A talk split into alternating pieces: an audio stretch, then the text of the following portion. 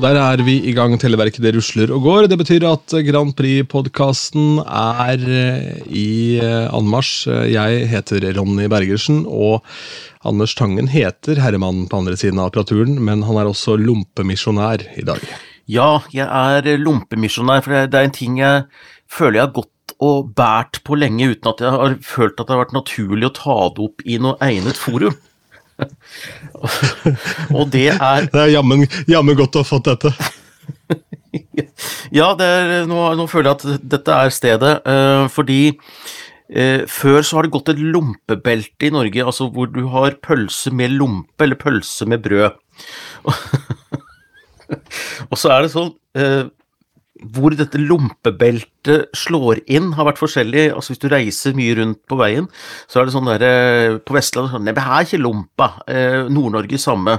Nei, bare pølse i brød. Altså, det er aldri lompe. Eh, og for meg er det pølse og lompe som er greia, og det er to ting jeg har drevet misjon for, og det er få lompa til hele landet, og det har vi fått til. Nå, nå er det altså Uansett hvor jeg er hen, så er det lomper til og med på Kiel-ferga.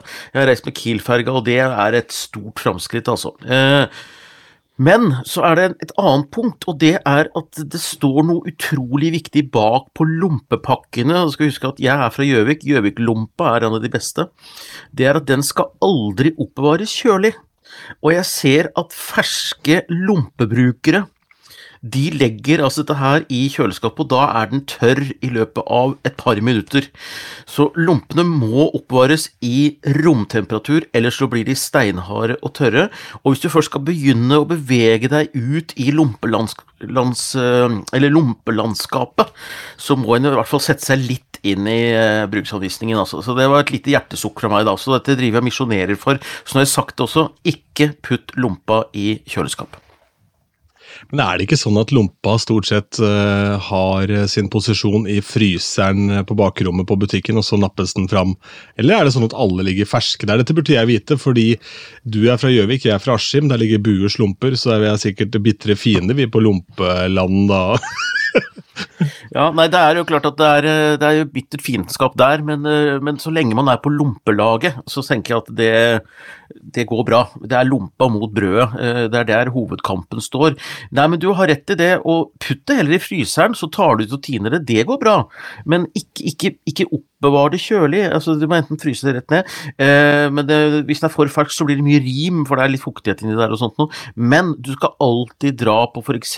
Meny eller butikker, og så må du kjøpe lompa på mandager, også fra Buer og Auli og alt dette her, eh, på mandag morgen. Eh, da er de ferske, og det er da man skal unne seg en lompefest i løpet av dagen. Så det er det jeg har hatt i dag, da, så derfor ville jeg bare Nei, jeg ville bare ta det opp sånn eh, til allment. Men du, du, er overraskende, du, er overraskende, på en måte nærme det landskapet som jeg tenkte å begynne i. fordi på vei eh, fra jobb nå, bare for eh, en halvtimes tid siden, så så jeg en fyr, og så måtte jeg liksom se to ganger, for det var ganske sånn dunkel belysning, og litt sliten i hodet var jeg, og så tenker jeg, går denne fyren her med en skreppe? Skreppe, faktisk. Jeg tenkte, Er det sjølveste Espen Askeladd som rusler rundt på Romerike her? Altså, I så fall, hva, hva, er det han er ute etter nå? Er det noe, Skal han ha noe sølv, eller hva er det han vil ha? Men den skreppa viste seg å være da en sånn sparkesykkel som han har slengt over skulderen. Ah, nettopp. Uh, for nå så jeg for meg et sånt uh, Nå så jeg egentlig for meg Durek Verret jeg, med et sånt lite sånn tørkle bakpå på vei for å vinne prinsessa halve kongeriket. Uh, men det var altså en kul fyr med sparkesykkel, dette her nå, da. Ja, Så jævlig kul var han Nei. ikke, da, for jeg trodde han hadde skreppe. Men det er noe så.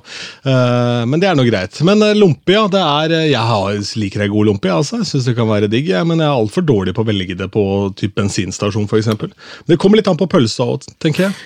Ja, det kan jeg være enig med deg i. Jeg syns bare at hvis du spiser med brød, så blir det så, mye, det blir så, mye, det blir så veldig mye brød. Det blir sånn der, massivt inni munnen, da. Men men det er nå så. Jeg vet ikke om vi skal bevege oss langsomt ut i Grand Prix-landskapet også, Ronny. Jeg har en annen Jeg har også et annet sånt øh, ting jeg, som jeg er opptatt av, men det er litt mer sånn seriøst, egentlig, altså. Men jeg tror vi skal ta det når vi skal snakke litt om Kiel-ferga. Jeg har vært på Kiel-tur, skjønner du. det er bra setning. altså. Eh, skal vi gjøre unna e-posten fra Mette aller Ja. først, ikke vi glemmer den? For det er veldig hyggelig. Og Mette har da gjort som eh, Heidi, het hun vel, og rett og slett fulgt opp her med en liten e-post. eh, og hun skriver som følger Hei, Ronny og Anders. Jeg får vel være like flink som Heidi og sende oppfølgingsmail. Det er ikke påkrevd, bare så det er sagt. altså. Hvis dere har sånne artige Grand Prix-lister eller lignende, så er det bare å fyre det over. eh, På oppfølgingsmail må ikke dukke opp i, i mailbox. Eh, Det var noe matnyttig i lista, kjempegøy at dere prata om den. Og hun har tatt kontakt med dette bandet, Muddy Young, og de kommer med følgende tilbakemelding. Rått, tusen takk for pitch, det setter vi stor pris på. Nå er det sånn da at eh, de er jo pitcha inn til vår podkast. De må gjøre jobben med å sende inn låta sjøl, for så vidt hvis de skal komme seg inn til Melodi Grand Prix. Eh, og så er det litt eh, spekulasjoner om det er mulig å være flue på veggen da, rundt denne livepoden, som nå foreløpig bare henger og dingler i en tanke og en tråd. Men eh, pleier å få ting gjort, vi. Om det så er å miste lommebøker og nøkkelknipper eller arrangere noe. Ja, nei, og det, dette skal vi få til. Vi Jeg har begynt å legge ut noen følere litt, eh, litt rundt omkring, så jeg tenker at eh, det burde være mulig å, mulig å få til det. Eh, Litt sånn Hatt litt forespørsel om litt gjester og litt sånn, så Og den ene har vel sagt ja, sånn i prinsippet, hvis det passer med datoen og sånn, og den andre eh, vet ikke at den vedkommende kommer til å bli spurt ennå, men eh, manageren vet at vedkommende kommer til å bli spurt, og er positiv, så det er da noe. Ja, og så er det jo et eller annet med det at Hvis du er aktuell i en eller annen Grand Prix-setting, så har du ofte noe å promotere også. Det er alltid litt sånn sunt. og jeg tenker det at En god samtale handler jo om eh, det man er opptatt av. og ikke, altså Det skal ikke være en sånn horeprat, selvfølgelig, med bare plugging av ting. Men eh, lurer jo litt på hva man driver med akkurat nå også. da, Hvis man f.eks. var med i Eurovision for noen år tilbake. da, eh, Og så eh, har man en tanke om eh, hva som skal til for å komme langt i finalen og sånn. Selvfølgelig rundt det, men hva gjør du akkurat nå, Bettan? Og det er å kjøpe hus. Ja, eller Tore Johansen, da, selvfølgelig, med ved en grammofon fra 1979. Ja. Hva gjør du nå, Men altså, helt Altså, ja, Det er ikke 'hva gjør du nå, Tore', kan du spille live, er det, Tore? Altså, Det der må vi jo få til. Vi må jo få han på jobb der. Altså, Kronerulling. altså Jeg er helt sikker på at hvis vi starter en spleis for å få Han kommer til å få det høyeste honoraret han har fått i sitt liv han på den gigen der. Ja, nei, jeg, jeg, jeg kjenner at jeg gleder meg veldig til hvis vi, hvis vi får til det, altså. Det må jeg det må jeg virkelig si. Eh, apropos det å selge inn ting til, eh, til podkast. Altså det er nok, terskelen er vel noe lavere eh, å bli pitcha inn i en eh, Å bli nevnt i en setning her enn å få en låt med på MGP. Men, men jeg har to helt ferske rykter som jeg har snappa opp. sånn eh, det er ikke sånn veldig sannsynlige rykter, men eh, så jeg anslår sånn 20 sannsynlighet, kanskje. Det ene er at Unni Wilhelmsen skal være spurt om å levere en låt, i hvert fall, som låtskriver. Eh, hun er jo en godt voksen dame som nå i det siste året har skrevet en del på norsk, eh, og sitter i styreverv i bedrifter og spiller tennis, og er en sånn, litt sånn original artisttype i Norge. og helt umiddelbart så hører jeg ikke helt for meg hennes take on me, holdt jeg på å si, take på Eurovision. Men eh, det hadde jo vært eh, Men det, det er jo litt det jeg har snakka om før, at jeg ønsker meg litt ut av disse her eh, bare camp-miljøene, men at vi skal kontakte noen kredible, dyktige låtskrivere. Men det vi også må huske på, er at hun har jo traktert uh, gitaren i De Derre i ganske lang tid. Etter at broren til Jon gikk bort, så kan hende har snappe opp et eller annet fra en låtsmed der som har et og annet å fare med. Ja, hun spiller jo dette her De derre med Hu derre, eh, så hun står jo på scenen litt sammen med De derre. Eh, jeg tror vi aldri kommer til å se Jo Nesbø på en MGP-scene. Det er bare et eller annet der som, som krasjer, eh, så jeg vet liksom ikke hvor forståelig det hadde vært i Europa heller, for å være helt ærlig, men, men eh, det hadde vært gøy for underholdningens skyld, for all del. Jeg sier ja takk. Da må du gjøre det i karakter som Harry Hole, tenker jeg. Ja, det Altså, ja, fordi han, han er utrolig kjent som krimforfatter rundt omkring, og hvis han hadde eh, Ja, kledd seg ut som Derrick eller noe sånt, da. Eh, lagd en slags greie på scenen. Ja. Ja, Eller Stumpa. Stumpa, selvfølgelig. Mm. Referansene er gode, Ja, for øvrig, Ja, den, ja, den for øvrig den høyeste plakaten jeg har sett i hele mitt liv, var av Jo Nesbø i Det var jo helfigurplakat, men da mange ganger hans størrelse. Det var på Stansted flyplass, første gang jeg var i London, tror jeg. For da hadde akkurat øh, han uh, svensken som døde, Stig Larsson, hadde akkurat uh, Det hadde akkurat blitt filmatisert, denne første boka om menn som hater kvinner, er det det heter? Uh, ja, altså, Jenta som skydde Ila. Ja, ja, triologien der, ja. ja. Ja, stemmer. Det der, I hvert fall den der triologien. Det er kvinner og, som hater menn. Og, ja. Ja, alle, ja. Det, er i hvert fall, det var noe hat, og det var noe ild og noe drager og noe jævelskap. Men uansett, samme faen. Eh, den hadde i hvert fall gått sin seiersgang i Europa, og da var det sånn Nordic crime var det hotteste i hele verden. Og da var det en sånn gigaplakat, da, eh, eller sånn roll-up-variant omtrent, fra gulv til tak inni denne flyplassen av Jo Nesbø, da, som sto der og var da det The New Scandinavian Crime Superstar. Stod det, og, det, yes, i alle dager. Da kjenner man seg norsk. Det gjør man. Det er omtrent som å se på engelsk fotball om dagen. Det er uh, helt absurd, rett og slett, uh, hva han driver med der borte, han Haaland. Ja, han er høy, han også. Uh, ja, det er korrekt. det, det, andre ryktet som jeg har snappa opp, da, de for så vidt kan være litt, litt morsomt, men, men jeg, det er, det er, vi er nede på sånn 15, 15 prosenter.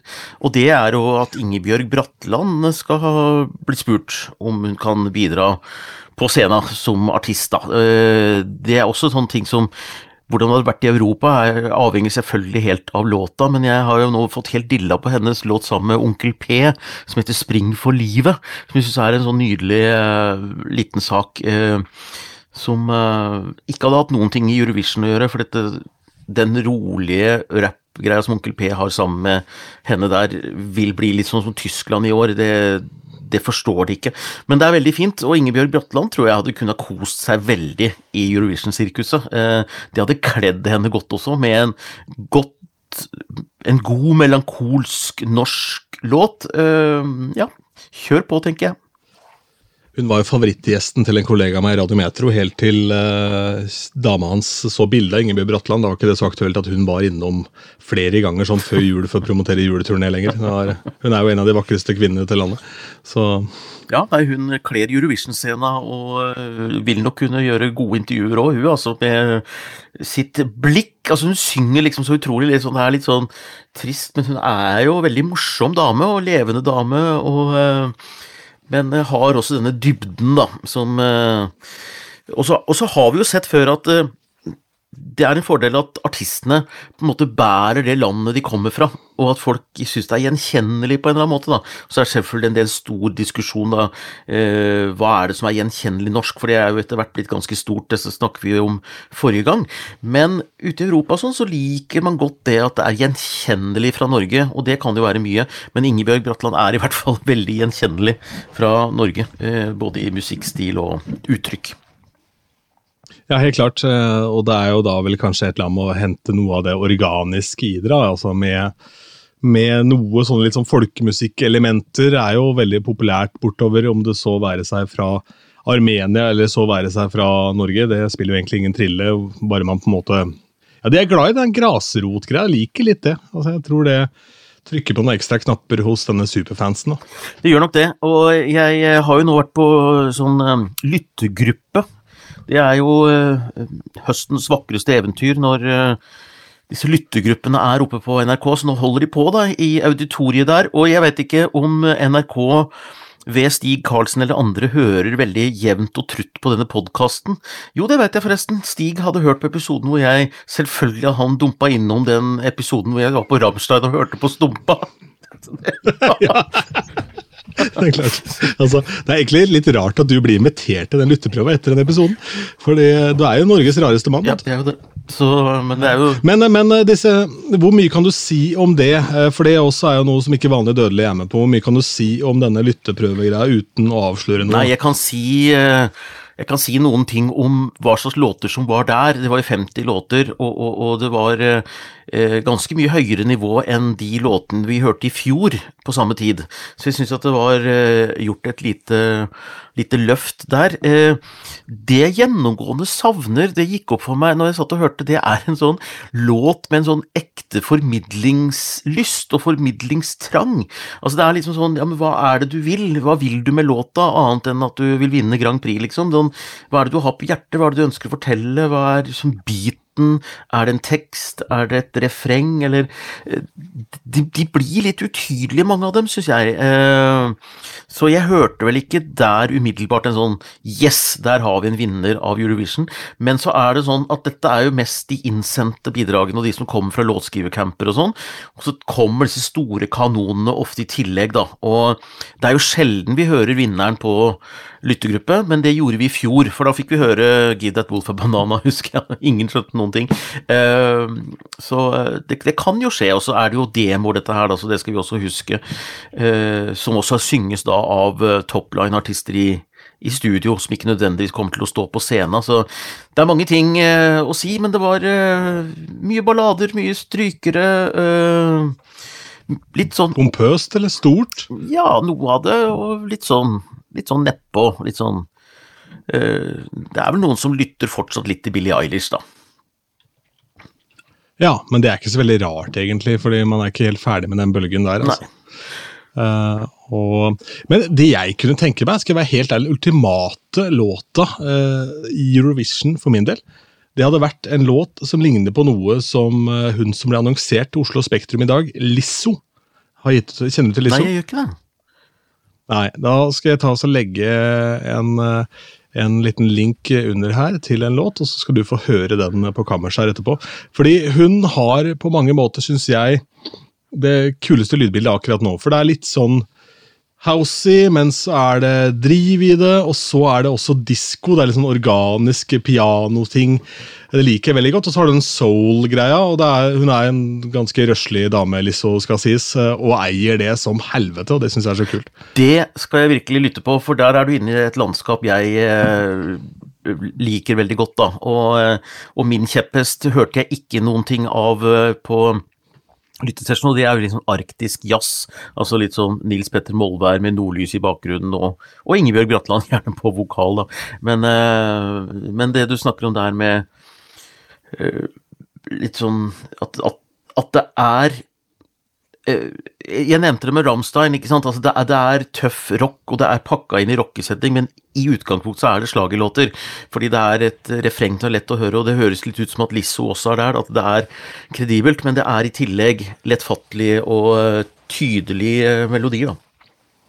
Ja, det, ja, I forhold til Rammstein så kan du sammenligne det Rammstein holder på med veldig med Volbeat. altså Veldig tilgjengelig metall, på en måte. Eh, og eh, for Lisso sin del så er det ja, det er rett og slett eh, den popmusikken med driv altså som bare kiler deg i øret og ligger der i bakgrunnen. fordi det er det som er ofte lett, at man lager for hva skal jeg si, for um, snill popmusikk. da, At det ikke er noe som som gjør at du uh, blir røska opp og tenker at her, denne må jeg stemme på, denne her skiller seg ut.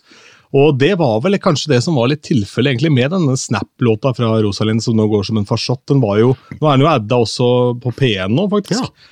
Uh, gikk inn som ny denne uka her. Uh, og den er jo ikke en sånn låt som skiller seg nok ut til at du kanskje hopper ut av eh, sofaen din og tenker nå skal jeg ta meg dans på gulvet, men samtidig så det er en kvalitetspoplåt mm. som, som, ligger der. Jeg har spilt den ute én gang bare, litt tidlig på kvelden, og jeg spilte bare refrenget. Uh, så one, two gikk inn på den, og så Snap også rett ut. da. Uh, men uh, bare sånn for å få en litt sånn vibb på det. Og folk sitter jo og gynger med hodet og koser seg. og Det er en gjenkjennbar låt nå, for den er mye spilt. Ja, men Det er gøy. apropos, igjen, apropos, jeg merker at det er det som er overgangen i kveld. Apropos, apropos det. Det er jo sånn podkast-triks. Apropos det. jeg har vært på Kiel-ferga og sett show. jentungen, kjæresten min og jeg har vært på Kiel-ferga. Uh, To ting om det først. Foreldre, skjerp dere. Jeg orker ikke en sånn kveld til hvor jeg sitter eh, oppe på en pub rett før det stenger klokka halv ett og ser to fireåringer leke aleine inne på lekerommet der, hvor jeg sitter der, og eh, jeg kan jo ikke gå, for jeg må jo gå og snakke med dem da, og spørre hei, går det bra med dere, hvor er mammaen og pappaen deres hen? Nei, de, ja, de kommer om fem minutter, og så blir de fem minuttene til en halvtime, og så så, så må jeg sitte i det lekerommet så de har en voksenperson i nærheten der, da. Så fikk vi nå snakka med en sånn uh, vekter der som uh, fikk dratt dem ut av kloa på en sånn karikaturtegner som satt borti kroken der og, og tegna mammaen, mammaen, da. Så nei, jeg blir sånn det, det, Nei, eh, jeg bare bare Hva er det du sa nå? Hva er det du sa? De satt, de satt en karikaturtegner og tegna mora til de unga som var i lekerommet, og de var hvor gamle, sa du? Fire, kanskje. Fire og fem. Ja, men hva faen skal du med en tegning, da? Drit nå i den. Jeg vet Det, Nei, jeg- jeg- det var helt håpløst. Og ikke, ikke var de fulle heller, eh, hun mammaen. Så det Ikke for å oute noen, det er- mange grunner til at ting blir som de blir, men i hvert fall så tenker jeg at folk må si ifra når de ser sånne ting, altså også på en sånn ferge. Eh, Så unga hadde det tilsynelatende bra, de, altså, men jeg syns det I min verden så var det i hvert fall litt seint å, å være aleine, for å si det sånn. Ja. Første, første gang jeg var i Syden, var sammen med min far og stemoren min, og da var vi på hva het eh, den plassen der? igjen? Sånn, eh, San Augustin, sånn litt mindre plass ved siden av Puerto Rico. tror jeg. Eh, og der var, Det er to ting jeg husker. og Det var en kjempesvær calzone fra en pizzarestaurant som heter Loppis. Og så var det min far på ganske ræva. Eh, Det er tre ting, forresten. Var hans forsøk på baklengs salto i bassenget også, som endte midt opp på ryggen. Eh, Det var midt på treet vellykka. Og så var det da hans eh, ganske ræva forsøk på å snakke engelsk med en brite han møtte i baren ved hotellet. Hvor de hadde biljardbord, så jeg spilte biljard med meg selv. da, Jeg Fikk noen kroner av fatter'n til det. og så overhører jeg da bare samtalen, for faren min har jo da en, en lighter hvor det står da hans eh, firmanavn eh, på. For han driver med transport på noe slitegummi, så det het da Montasje og vedlikehold, selskapet til fatter. Eh, Og så var slagordet 'Vi gjør det med gummi'. okay. Og det har det vært i alle år, og det er jo greit. Eh, og så har han en sånn Word Art-logo med da en sånn båndrull som jeg laga til han i 1997. eller sånn. Men det er nå så, og så skal han prøve å fortelle denne briten altså We do it with rubber, but how then did I get my son over here? da, Og prøver å få den vitsen til å fly på sånn ordentlig Petter Solberg-variant her. Så jeg tror han briten lo bare for å være høflig. Ja, det tror jeg òg. Og jeg eh, var vel en av de første sydenturene mine. Da var jeg noe eldre, jeg var rundt tolv. Og det var første gang jeg eh, ble litt brisen også. Uh, uten at det var noen som ville at jeg skulle bli det. Men, men vi, vi var på en nattklubb som het Sultana nattklubb på Rodos. Uh, hvor faren min bestilte en alkoholfri drink og en drink til seg selv. Og så jeg, har jeg skjønt i ettertid, i flere år- etterpå, selvfølgelig, der skjedde det en feilservering, sånn at jeg fikk den med alkohol. For jeg husker ennå faren min sitte der på sitt uh, Faren min var lagerarbeider på Mustad-fabrikker i 60 år og kunne ikke et ord engelsk, så han satt der og insisterte og var så irritert og satt på sånn engelsk og sa There fins no alcohol in it. There is no alcohol. Mens jeg satt og koste meg med noe uh, med sugerør og paraply borti der, og det er et bilde av meg hvor du ser at jeg er litt sånn uh, Jeg er glad og fornøyd. Glinse litt i øya. Og, ja, ja. Nei, jeg var også på Rådås, da var ikke jeg Hvor gammel var jeg? 14, kanskje? Og da var vi ute i en båt med en fyr som het Stelios. Moderen, stefaren min og jeg, og da fikk vi For da han kjørte da ut eh, til noen sånne bukter hvor man kunne bade, og som var helt magisk der ute. Og så stekte han koteletter til oss underveis. Og så ble han jævlig frustrert da, fordi jeg ikke drakk øl. Ok, Det var så dyrt for import, vet du. Import av Coca-Cola var jo svindyrt, og jeg var jo litt en sånn tjukkasunge, så jeg drakk jo to-tre cola. Det, gikk jo, nei, det var rista bare på hodet, jeg mente det var mye bedre å drikke øl. Jo, jo. eh, Moderen var ikke helt enig. Jeg er jo helt enig, men, eh, men ikke i forhold til alderen, selvfølgelig. Men eh, Nei da, eh, cola er godt, det, altså. Fra flaske, helst. Eh, Jo, jeg var på Kiel-ferga, og det var show på Kiel-ferga. Guilty Pleasures! Og der var det en stor Eurovision-avdeling, og det var sjø ute, og, og, og det var unger som satt og spydde, og det var eh, de som gjorde showet måtte opptre med joggesko, for ellers hadde det jo gått gærent med både hofter og uh, holdt på å si skanker, det er på lam, det, det er ikke det Legg, Legger på danseren. Ja. Ok, ja. Så, uh, men An Anatomi 1-0 med Anders Tangen. Mennesker har skanker.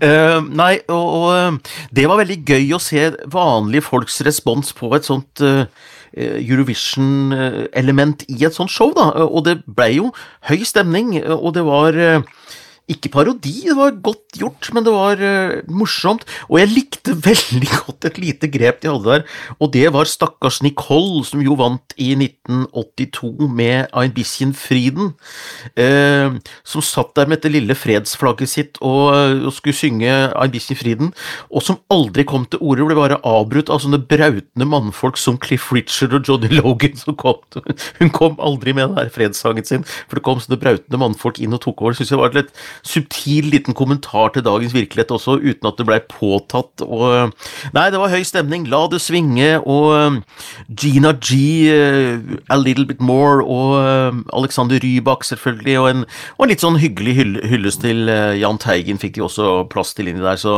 Oi, gøy. ja, veldig gøy. Så Nei, jeg koste meg med det, og jeg ble ikke sjøsjuk. Det ble resten av følget mitt, men så jeg satt i hvert fall og nøyt det hele med en sånn hvit papp-plastpose, eller hvit sånn papirpose mellom oss, i tilfelle det skulle gå gærent, da. Så det var så rar stemning når alle sitter med sånne hvite poser, men uh, det var uh, moro. Ja, det er jo en litt sånn demper på det hele, kanskje, ja. Nei, men ja, en demper eller en spiss. Eh, Det, det avhenger av hva man syns om showet fra før, men, eh, men det ble jo en liten, eh, liten twist til det, da. Eller så har eh, Tix har jo vært i eh, Baku og møtt Effendi i, i det siste. Eh, Hun reiser jo rundt eh, hun skrøt fælt av Russland i et uh, Instagram-innlegg her også, og det var så vakkert i Moskva, det var så deilig å være tilbake der. Hun var så veldig begeistret for russisk arkitektur, blant annet. Jeg var inne på Insta-kontoen hennes igjen i dag, uh, da var den borte, gitt. Um, det var vel ikke bare jeg som skrev 'Slava Ukrain' uh, i, kommentarfeltet der, men i hvert fall har Tix vært og truffet henne i Baku nå, da, og de har visst sunget sammen også, så noen driver og ønsker seg en duett mellom de to nå, da, i, i MGP-sammenheng eller Eurovision-sammenheng, og nå har jo Tix representert Norge, og jeg syns det hadde vært maksimalt morsomt at Tix og Effendi hadde representert Aserbajdsjan sammen. Altså Tix opptrepp for Aserbajdsjan, det hadde vært så gøy, det. Ja, I den derre pelsjakka, ja. Eh, og, ja. Og ja, det bleike trynet. Ja, nei, det hadde vært noe, altså, der nede. Uh, men eh, Men på den annen side, altså, han var jo med og skrev den låta til Ava Max, og hun er vel opprinnelig fra Hvor var det det var, da? Uh, Ja, det uh, crazy, Altså uh, A Little Bit Hva heter, den igjen, da? Uh, Sweet but Psycho. ja, ja, Sweet But Psycho. Det er en fantastisk poplåt, Ja. forresten. Ja, hun er, jo, hun er jo amerikaner, hun, men hun har aner fra Skal vi se her. hun har foreldre som da kommer fra eh, Albania. Albania, ja. Mm. Ja, så, så han har jo hatt et grep om, eh, om popmusikk med østeuropeisk innflytelse, i hvert fall. Ja da, og jeg ønsker meg Jeg syns jo Tix, etter min smak, da, er eh, vesentlig bedre som produsent og låtskriver av den type låter enn han er som artist selv. Dette er bare subjektivt. Jeg har stor respekt for de som liker musikken hans veldig godt, for all del, men det, det, det når ikke hjem hos meg, da. Men Sweet Bad Psycho og disse her som han eh, legger trøkket sitt inn i og lager kvalitet internasjonalt, der har han en teft som jeg så jeg ser han gjerne som låtskriver eller produsent i MGP, og jeg tror han kunne ha løfta det vesentlig høyere enn det han kanskje evner som artist, da, fordi det er så særnorsk sjanger, det han egentlig holder på med som artist. Så, men eh, Sweet But Psycho er jo en internasjonal uh, hit med internasjonal sound og ja. Altså krever litt etablering å selge inn den karakteren hans ikke sant, til publikum. Men dette her blir jo en, dette blir en eldgammel diskusjon, eh, Tangen. For dette her uh, drev vi og surra med Ja. For en stund tilbake også. Og ferdig med den, men det var jo eh, bra at Aserbajdsjan skal være med i Eurovision, for det gikk rykter tidligere i uka om at de hadde trukket seg fra Eurovision 2023. Ingen riktig visste hvorfor, men det var visst bare enten så var det bare tull, eller så har de nå bestemt seg for å, delta da, i 2023. Så det er jo moro, det, at uh, Sverige får et land til å opptre i. fordi stort sett så kjøper jo Aserbajdsjan svenske låter, men derfor har det vært så gøy hvis de kjøpte en norsk fra Tix da, i år. Du, Det er jeg helt enig med deg i. Og apropos trukket seg, nå har jo Graham Norton bekrefta at han ikke er programleder for Eurovision. Eh, jeg har ikke lest hvorfor han ikke er det, men i hvert fall så har han sagt at det er ikke aktuelt for han å være det i 2023. Og så er det jo nå kokt ned til to byer. Så nå er det Liverpool eller Glasgow. Ja, jeg eh, er litt spent på det. På en måte så syns jeg det hadde vært veldig gøy med Liverpool, hvis da byen får lov til å prege Eurovision så mye som vi er vant med, i og med at det egentlig er en ukrainsk finale eh, på fremmed jord. Eh, fordi Liverpool med Lipa ikke sant, og Paul McCartney, denne skolen for popartister eh, og popmusikere, og hele Beatles-historien og Liverpool oser jo av musikk. Eh, og fotball har jeg hørt, eh, har jeg blitt fortalt. Eh, men, men det er jo utrolig popmusikkens vugge på mange måter, i hvert fall den britiske popmusikken fra Liverpool. Glasgow er for meg litt sånn litt mer ukjent sånn musikalsk sett. Vi har jo hatt en episode tidligere hvor vi gravde fram noen uh, artister derfra, men uh, jeg syns Liverpool hadde vært kult. Det er en så stolt by, men jeg tror det blir Glasgow. Um, jeg har en slags magefølelse på det, fordi de har rydda plass i denne her eh, arenaen uh, mm. på kalenderen. Mm. Det som er eh, med Liverpool og Beatles, er jo at da Beatles var på Ed Sullivan, så ble jo alle rockeband født. ikke sant? Fordi for første gang så uh, hørte de og så noe de kunne få til. Det var da liksom noen karer som sto der og spilte, for problemet var, som, som Tom Petty sa, da um, så var det da du så Elvis, ikke sant? så kom orkesteret bare ut av en hekk. ikke sant? Så var, det var jo magic. ikke sant? Så hvordan får vi til det?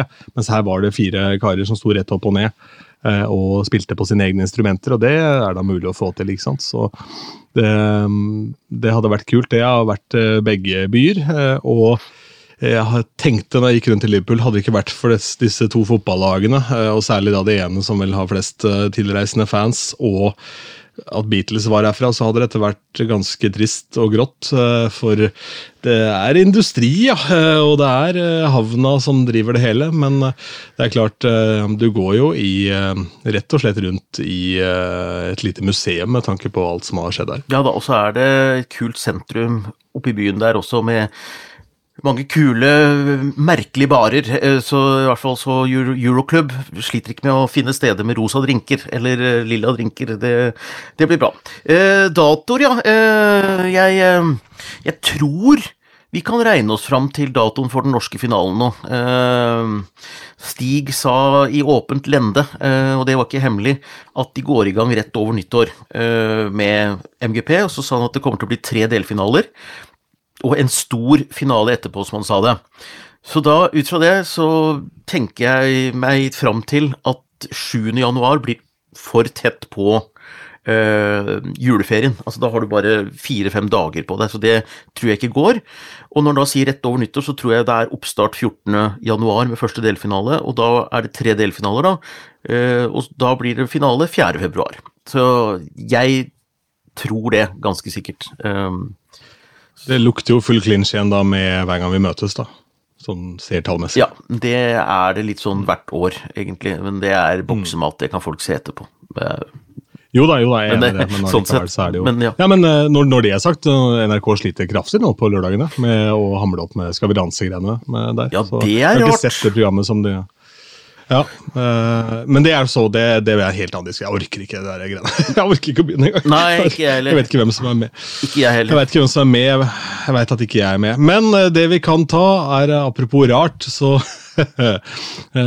spilte fotballaget Liverpool en kamp mot Brighton. Jeg er usikker på hvordan den kampen endte, det er ikke så nøye, men jeg så deler av pressekonferansen, for der var det en journalist som spurte Jørgen Klopp, treneren til Liverpool, som er eh, tysk, eh, om hva han tenkte om at Eurovision kanskje kunne komme til byen, i og med at det er en av to byer på shortlist. For et herlig spørsmål! Jeg elsker at Eurovision blir nevnt i en sportspressekonferanse, uh, for de er jo ofte så selvhøytidelige, og alt, alt verden dreier Akkurat som Eurovision er like sære, så Ja. er de like sære. Så hva var svaret? Nei, altså Dette er jo kanskje den ene, manageren i verden du kan spørre om nettopp dette. da, fordi eh, Jørgen Klopp, eh, der hvor han Mourinho var the special one, så ble Jørgen Klopp kalt the normal one. Han er med i reklamefilm for Opel. ikke sant? Altså, han er en ganske sånn avslappa type. Jeg så en fotballkamp i England hvor de skåra i siste, siste minutt og senka Everton, og da banestorma han og fikk jo bot og nesten rødt kort og alt mulig, men det ga han flatt faen i han skulle feire. ja. Så han er jo en, en kul fyr, og han er jo da for det første veldig overraska over at Liverpool er på shortlist. Det var ikke han klar over, han veit ikke når dette ble arrangert. Eh, Men han fortalte at de pleide å se på det på hotellet før de spilte kamper da han var trener i Dortmund. Eh, Og det var stort sett alltid en jævla nedtur, fordi tyskerne gjorde det så ræva. Um, Men eh, som han sa, det, alt som kan bidra til liv og røre i byen, er jo positivt. eh, Og han, eh, han pleide å se på og følge med da på Tyskland. Så jeg skal ta legge inn lyden av den pressekonferansen eh, etter at vi er eh, ferdig her, eller kanskje nå eh, midt i her. Det får jeg finne ut av. Men jeg fant i hvert fall en, så vi stjeler den fra Liverpool TV. Jeg kjenner Jeg blir varm om hjertet av at en så høyprofilert, kul fyr, for jeg har også fått med at han er en kul fyr, eh, svarer ordentlig på det spørsmålet. Fordi det typiske svaret ville jo vært eh, Eurowatt. Altså et eller annet. Jeg Ja. har ikke hørt om. Ja, og, og så spør han journalisten ja, når er det, og han sier nei, eh, det er neste år en gang. Ja, det var bra forberedelse du gjorde der, gitt. Men, men, det er fin- men det er type. ingen som vet når det er, vet for datoen er jo ikke satt ennå. Og det eh, Morten Thomassen gjorde meg oppmerksom på det på en sånn livestream vi hadde her. Eh, det har jeg ikke tenkt på, men de, de, de skal jo krone en konge omtrent på den tida der. Og de, de kan jo ikke, de kan ikke ha det samtidig med Eurovision, det blir for mye. Så jeg tror vel kanskje at de venter litt på at Charles skal bestemme når eh, han skal få den der krona på huet sitt. Eh, Ja, Men det brenner jo på dass. Han er jo eldgammel, han òg. ja, ja, ja. Så det er, eh, det er mulig de må rekke eh, både det ene og den andre av seremonier. Eh, og det legger litt sånn der Det er visstnok da at det er litt vanskelig å bestemme datoen før eh, Slottet har bestemt seg. Det er jo helt fantastisk hvordan dette her griper inn i alle mulige kriker og kroker. Så det er, nei, det er, det er, moro å være Eurovision-fan for tida. Nå begynner det å, begynner å skje ting. Forrige gang det var i UK, hadde vi da kongefamilien på uh, i arenaen? Nei, det tror jeg ikke. Uh, det var altså i 1998. Uh, nei, det tror jeg ikke. Eh, de, Nei. Dronning Elisabeth har hatt den der eh, kongelig varieté, altså hvor det har vært ganske mye sånn pop og eh, disse her eh, Harry og uh, har jo vært ganske framoverlent for så vidt og vært med på en del sånne ting, men, men uh, i, eh, jeg vet ikke om de har latt seg skremme av da daværende kronprins Harald og kronprinsesse Sonja skulle delta på den norske finalen Nei, jeg mener den internasjonale finalen i Bergen i 1986. Uh, hvor det sto en eller annen fyr og helte noe slags olje og vann over dronning Sonja. Så hun fikk jo ødelagt håret sitt på vei inn. Det var masse styr om det var dette terror eller hva det var. Så da måtte de dra kjerringa, unnskyld uttrykket, jeg mener dronningen, måtte dra henne inn i et sånt rom ute i foajeen der, hvor det sto sånne herre eh, artistfrisører og fikk liksom føne dette håret som noenlunde på plass og sånn. og Folket sto jo inne og ventet, og sendinga skulle jo begynne klokka 21, på en måte, men samtidig så skal du vente på de kongelige. Så de sto og sto og sto, fordi at du, du måtte jo få ordna håret til eh, dronning Sonja. Så det var jo ordentlig dramatikk. Det var veldig gøy. Altså, Hadde, hadde de rakt en mikk bort til Harald sånn at få sveiva dette greiene her i gang! Ikke sant? Ja, han hadde tatt det så kult. Det vil jeg tro. Eh, Du har også i notatene dine noe om ESC radio. Skal vi eh, ta med det på tampen Ja, da, før det vi har en eh, veldig hyggelig nyhet? Ja, det er, nei, det er ikke, ikke en nyhet, men det er en obligatorisk refleksjon som Aftenpodden driver med i sin podkast. Jeg, eh, jeg er litt sånn fan av Aftenpodden. Jeg skal forresten se dem live 11. oktober nå. Du har sagt at jeg er Norges rareste mann. Jeg har nå kjøpt billett til 285 kroner for å sitte på John D og se en podkast bli innspilt 11. oktober TV med tema statsbudsjettet. Yes. Eh, hvis ikke det statsbudsjettet presenteres av eh, Sigbjørn Johnsen, så gidder jeg ikke å bli med, for det var så artig når han andre Han var Ølløv! Ja, ja, det er veldig morsomt. Nei, det blir ikke presentert av han. Det er Vedumen, men, eh, men det er noe så. Eh, Nei, så det, jeg skal dit, og de har noe som heter obligatorisk refleksjon, og det er sånn anbefaling av noe. Nei, men det er at jeg, jeg har gjenoppdaget EEC Radio, som er en app.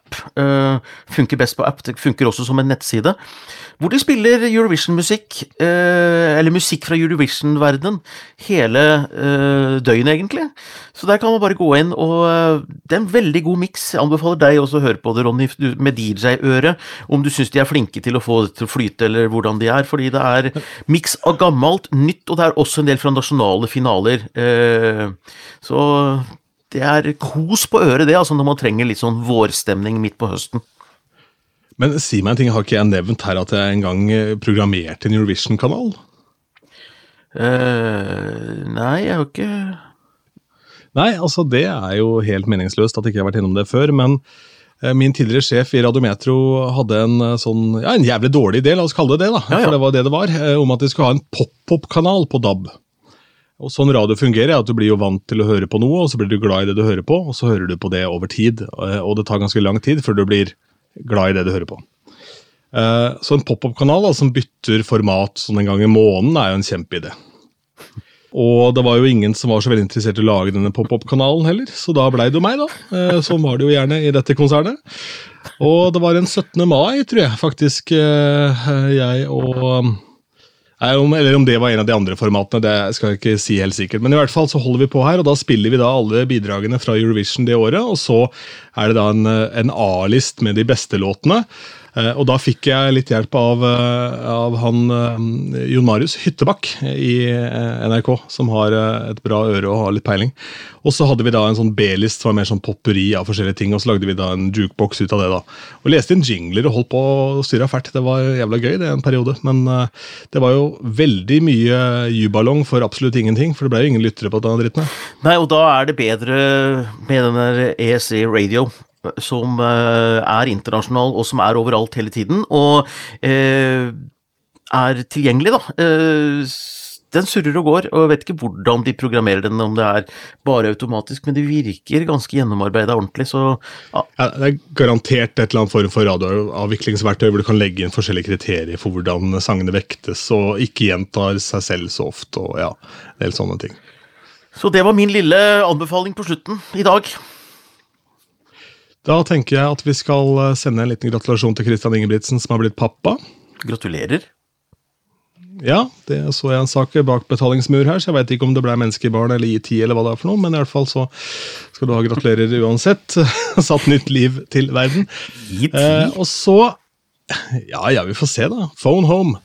Eh, og så er eh, vi tilgjengelig via, om ikke telefon, så i hvert fall via e-post. Hei at grandprixpod.no. Send oss en mail hvis du har noe på hjertet. Og så tenker jeg at nå drar det seg veldig til etter hvert. Det kommer nyheter både her og der. Eh, det ryktes da om en stor høstlansering fra BBC, hvor det vil komme ting og tang eh, angående den internasjonale finalen. Og så kommer statsbudsjettet på torsdag. Jørgen, uh, uh, non-football question, if I may.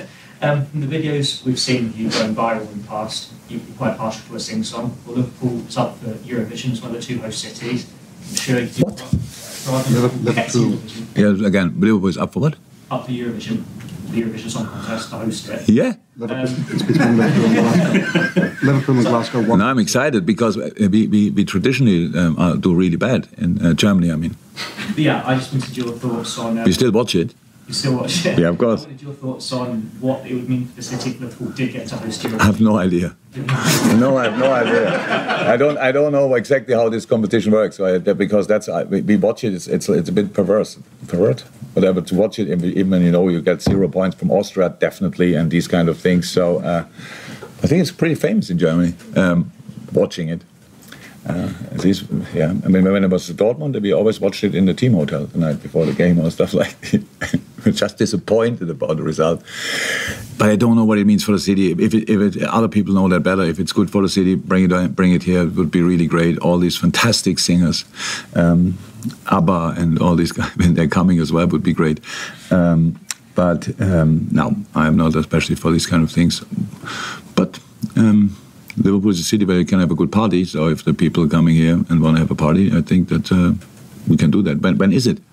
Next year. Oh, next year. A, but when is it? I, I, unfortunately don't know. I, you don't know. yes, you're really well prepared. so, is, uh, will the weather be good or will the weather be like today? So, who cares? No, um, yes, it would be very important for the city if we could get that, if that helps, if I say that. Thank you. You're welcome.